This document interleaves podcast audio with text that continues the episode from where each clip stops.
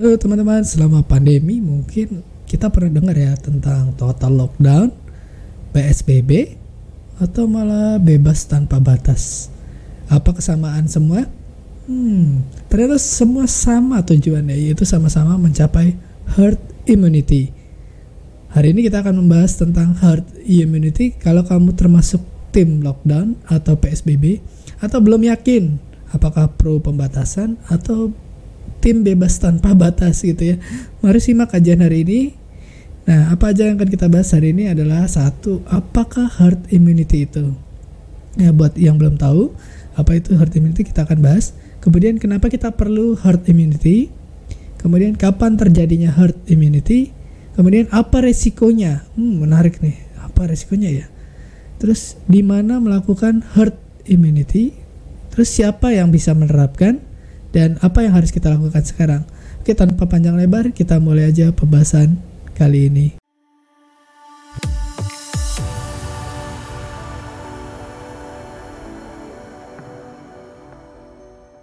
Kenapa kita butuh herd immunity? Banyak orang ngomongin tentang herd immunity. Kenapa kita butuh? Karena pandemi itu mau seperti apa tidak akan selesai gitu ya. Kalau tidak terjadi imunitas seluruh masyarakat. Entah dengan infeksi atau dengan vaksinasi. Jadi yang penting dari sebuah pandemi kapan dia akan berakhir adalah ketika seluruh populasi itu sudah imun. Ya tidak harus seluruh 100% ya, tergantung uh, keganasan si penyakit itu gitu. Kekebalan bersama itu bisa dicapai dari dua cara yaitu dari respon imun tubuh kita setelah kena infeksi ya.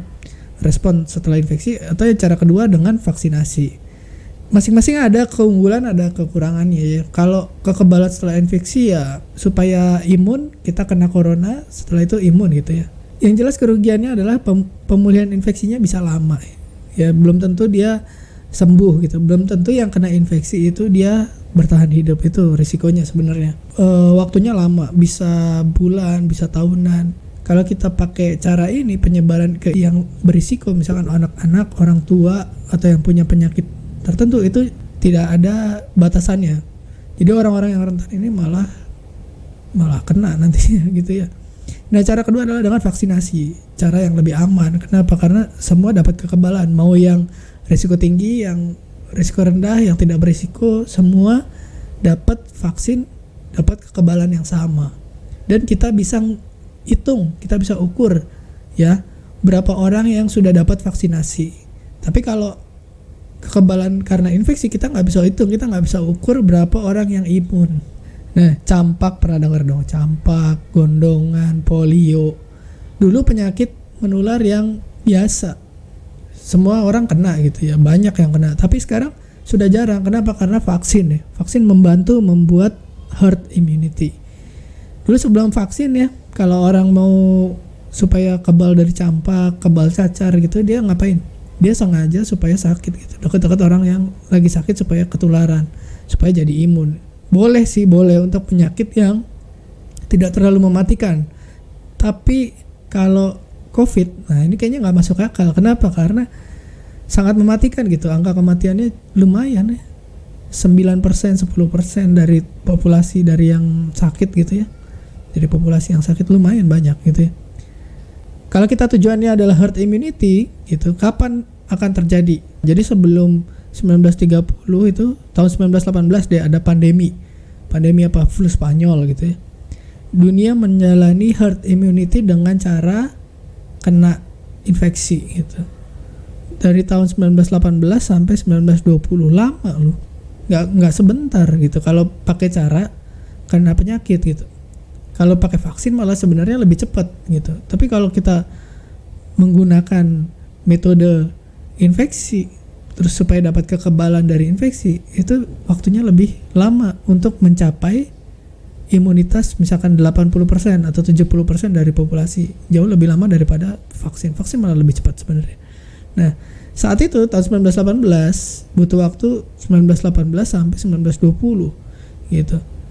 Terus 500 juta orang itu terinfeksi yang meninggal 50 juta. Lumayan lah 10% gitu. Jadi kalau sekarang penduduk dunia itu katanya ada 7 miliar ya sepertiganya kena 2 miliar berarti yang meninggal sekitar 200 juta gitu lumayan lumayan banyak tahun 1930-an mulai ketemu namanya vaksin vaksin campak dan saat itu setelah ditemukan vaksin mulai terbentuk herd immunity butuh berapa orang sih untuk capai herd immunity? Tadi kan kita sudah bahas, tergantung keganasan. Contoh misalkan pasien campak ya. Campak itu bisa menginfeksi 20 orang. Jadi menurut perhitungan, kalau dia bisa menginfeksi 20 orang, dia harus 95% populasi kebal campak. Baru bisa dibilang herd immunity. Kalau gondongan, mumps itu ya, itu bisa menular 10 sampai 12 orang satu orang pasien menularkan 10 sampai 12 orang. Jadi dia harus dalam satu populasi itu 92% itu kebal. Ya. Kalau flu, flu biasa itu 1,3 orang, 1,3 orang. Jadi satu pasien bisa menulari 1,3 orang itu rata-rata gitu. Sehingga kekebalan kelompoknya atau herd immunity cukup 25%. Tapi COVID nah itu 2 sampai 3 orang katanya. Ini angkanya juga agak-agak aneh soalnya berubah-ubah terus. Jadi dengan perhitungan 2 sampai 3 orang harus ketemu 50 sampai 70 persen. 50-70 persen. Jadi kalau orang Indonesia tahun 2020 ada 270 juta jiwa, Indonesia harus 180-an juta yang imun supaya terbentuk herd immunity gitu. Supaya tercapai kekebalan bersama gimana caranya? Yaitu tadi dengan terinfeksi, dengan sakit atau dengan vaksin. Pilih mana? Nah, selama vaksinasi belum ada, pilihannya cuma menunggu sampai ada vaksin atau dua dengan jalan sengaja terinfeksi. Ya, dua-duanya ada risiko lah ya. Risiko menunggu vaksin apa? Lama, bosan nunggu di rumah. Ekonomi hancur gitu. Karena kan orang selama menunggu vaksin tidak keluar rumah gitu ya. Sementara risiko sengaja terinfeksi itu juga punya risiko, yaitu cuma dua risikonya, yaitu kalau terinfeksi kalau nggak hidup ya mati. Jadi kalau 180 juta orang yang harus terinfeksi untuk mencapai herd immunity atau 180 juta orang yang harus divaksinasi gitu ya. Tapi kita anggap yang terinfeksi, kita bahas terinfeksi 180 juta orang yang yang terinfeksi harus terinfeksi supaya herd immunity kita harus relakan 9% ya. 9% itu sekitar 16 juta orang. Lumayan nih. Kalau dalam bentuk angka kita suka tidak sadar, tapi gini, gampang ya bayangkan dari setiap 10 orang itu yang kita kenal satu itu meninggal sebagai ongkos untuk kekebalan infeksi. Tapi sayangnya kita nggak bisa milih nih siapa yang meninggal ya. Kalau kita bisa milih ya nggak apa-apa gitu. Tapi ini, ini kita nggak bisa pilih gitu. Satu dari 10 orang yang kita kenal meninggal sebagai ongkos untuk kekebalan infeksi. Kehancuran ekonomi tapi juga berbahaya ya. Tadi kalau kita pilih nunggu vaksin ya risikonya ekonominya hancur. Karena bisa menimbulkan kemiskinan loh. Jika kemiskinan meningkat tentu kriminalitas juga meningkat. Perkiraan banyak ahli itu sekitar 5 sampai 10% orang terdampak. Terdampak itu bisa berat, bisa kelaparan, bisa kriminalitas, bisa huru-hara. Tapi ini asumsi yang sangat pesimis sih sebenarnya ya. Karena sebenarnya masih ada satu faktor yang tidak dipertimbangkan yaitu gotong royong rakyat Nah, mungkin pemerintah takut kejadian seperti tahun 98. Saat itu krisis ekonomi hancur, terus kerusuhan huru hara. Nah, kayaknya situasinya agak beda ya. Karena saat itu orang tidak tahu akan terjadi kejatuhan ekonomi. Tapi kalau misalkan kejatuhan ekonominya bisa diperkirakan dan diprediksi, mungkin kita bisa bersiap-siap. Mungkin kita bisa pakai prinsip gotong royong tadi. Atau gampangnya bayangkan setiap 10 orang yang kamu kenal itu satu orang harus kelaparan sebagai ongkos tadi kehancuran ekonomi. Pertanyaannya apakah kamu diam aja gitu? Ya enggak lah ya. Oke, tidak mudah memang mencari keseimbangan antara penyebaran penyakit dengan kejatuhan ekonomi ini susah ya. Mau pemerintah mana pun juga susah. Kebanyakan negara itu pilih menunggu vaksin sambil memperlambat. Jadi dari lockdown terus pembatasan sosial, tapi ada juga yang sama sekali tidak melakukan. Nah, kita buat simulasinya ya. Buat simulasinya dari tiga pilihan. Satu yang pro ekonomi tidak melakukan lockdown sama sekali tidak ada pembatasan. Yang dua pro life ya pro hidup jadi ekonomi tidak bergerak nggak apa-apa. Yang penting nyawa terselamatkan. Atau yang ketiga adalah jalan tengah yaitu ekonomi jalan tapi nyawa terselamatkan. Oke ada nggak sih simulasinya? Oke siap kita simulasikan ya. Jika tidak melakukan apa-apa yang pro ekonomi tidak melakukan pembatasan jadi infeksinya banyak. Dalam beberapa bulan kasus meningkat sangat cepat kematian sangat banyak. Risikonya apa? Rumah sakit penuh angka kematian tinggi. Rakyat jadi depresi. Kenapa? Karena ketakutan. Nah pilihan kedua adalah yang pro life jadi lockdown total ekonomi nggak bergerak. Risikonya apa? Tadi ekonomi hancur. Tapi kita mempertahankan penyebaran penyakit dengan pembatasan sosial tadi ya. Angka kematian mungkin turun. Ini sambil nunggu vaksin ya. Jadi kita uh, lockdown sambil menunggu vaksin. Risikonya apa tadi ya? Ekonomi hancur ya. Jadi pemerintah harus bertindak tegas nih kebutuhan ekonomi rakyat harus ditopang. Baik oleh pemerintah sendiri atau gotong royong tadi ya. Pilihan ketiga adalah tengah-tengah. Jadi ekonomi dan life ya dan hidup. Pembatasan sosial tetap dilakukan tapi sifatnya hanya untuk memperlambat aja yang mengurangi kecepatan. Ketika kurvanya udah mulai rata atau turun, apa yang dilakukan? Lakukan pelonggaran pembatasan sosial. Kalau angkanya naik lagi, ya kita tutup lagi pembatasan sosial lagi gitu. Sepertinya ini yang sedang dilakukan di Indonesia seperti itu ya kayaknya ya.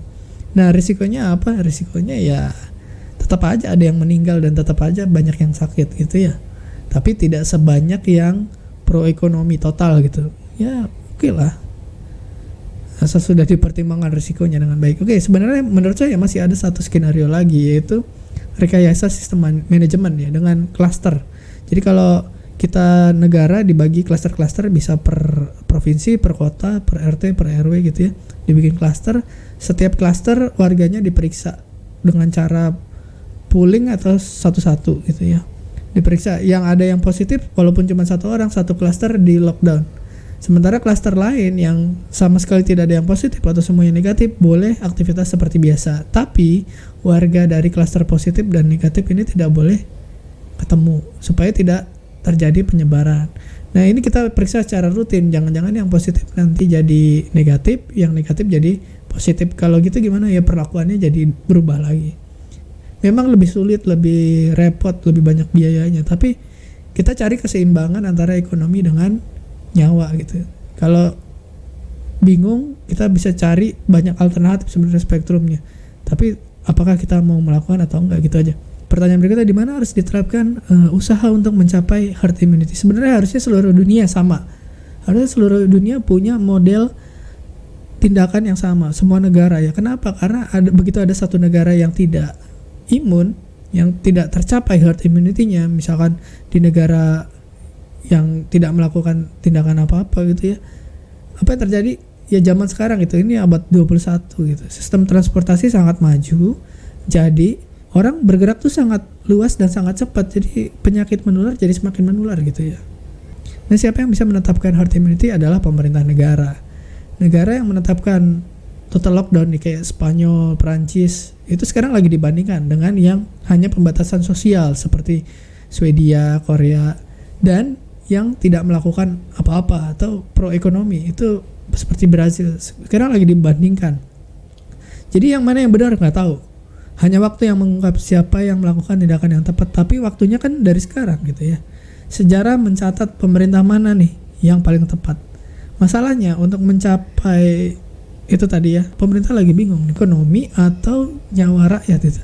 Nah untuk mencapai keputusan seimbang itu kita butuhkan butuh data. Sialnya kita selalu kekurangan data. Sial banget. Dan kita bisa percaya nggak data kita sendiri? Jadi mencapai keputusan seimbang ini agak susah gitu ya apa yang harus kita lakukan nih sekarang? Ya kalau kita rakyat jelata ya nggak yang bisa dilakukan ya nggak ada. Kita hanya bisa adaptasi dengan keadaan. Kita siap. Apa pun pilihan pemerintah ya kita harus siap. Nah kalau lockdown ya kita siap. Kalau bebas ya kita siap. Penting jaga diri gitu. Kalau ada yang kelaparan ya jangan ditinggal gitu.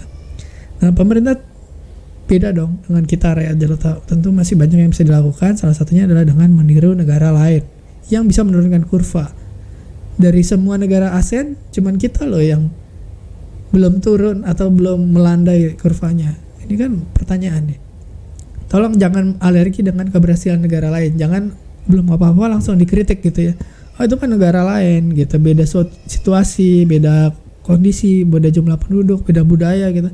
Pertanyaannya ada nggak kebijakan di negara lain yang berhasil? Dan kalau kita terapkan di sini juga bisa berhasil. Jadi di sana berhasil, kalau kita tiru bisa berhasil juga. Ada nggak? kalau ada ya jangan jangan ditutupi gitu tidak peduli itu negara kapitalis atau komunis ya selama berhasil ya nggak ada salahnya dipakai analisis dari Profesor Ben Han Ben Han nih saya lupa dia di Harvard atau MIT gitu ya tidak mungkin menemukan keseimbangan antara ekonomi dengan nyawa rakyat. Jadi dari banyak penelitian tidak ketemu satupun analisis yang bisa menunjukkan keputusan yang paling seimbang. Jadi caranya gimana mengambil keputusan? Caranya mengambil keputusan adalah tidak diambil dari data gitu. Karena data tidak akan pernah cukup dan tidak akan pernah bisa akurat. Tidak dari data, tapi dari dari mana? Dari penyesalan. Maksudnya apa? Lakukan analisis ya. Kalau kita lakukan tindakan, risikonya apa? Kita nyesel nggak? Nah, dari semua penyesalan itu kita bandingkan mana yang paling kita menyesal. Contoh misalnya kita mau lockdown. Risiko terburuknya apa? Kalau itu terjadi kita nyesel nggak? Terus pilihan kedua kalau nggak lockdown adalah misalkan pembatasan sosial berskala besar. Risikonya apa? Kita nyesel nggak? Nah, pilihan ketiga bebas buka. Risikonya apa? Kalau itu terjadi kita nyesel nggak? Nah, dari semua penyesalan itu kita bandingkan mana yang paling sedikit penyesalannya atau paling minimal. Itu keputusan yang sebaiknya dipilih. Itu menurut Profesor Benhan. Ya. Nah, tapi apa pun pilihan pemerintah sebaiknya uh, tegas dan bertanggung jawab. Ya, kalau pembatasan ya pembatasan, kalau mau bebas ya bebas. Asal berani tanggung resiko gitu. Karena nanti kan sejarah yang membuktikan. Kalau orang yang sekarang ya nggak tahu gitu. apa pun keputusannya ya pasti ikut-ikut aja gitu. Jangan terlalu sering mengubah kebijakan, tolong atau berkali-kali revisi karena tekanan supaya rakyat tidak kebingungan. Oke, sekian kajian ringan hari ini. Semoga bermanfaat. Sampai jumpa di kajian berikutnya. Untuk pertanyaan bisa email atau komen dan jangan lupa subscribe. Oke, sampai ketemu lagi. Semoga bermanfaat.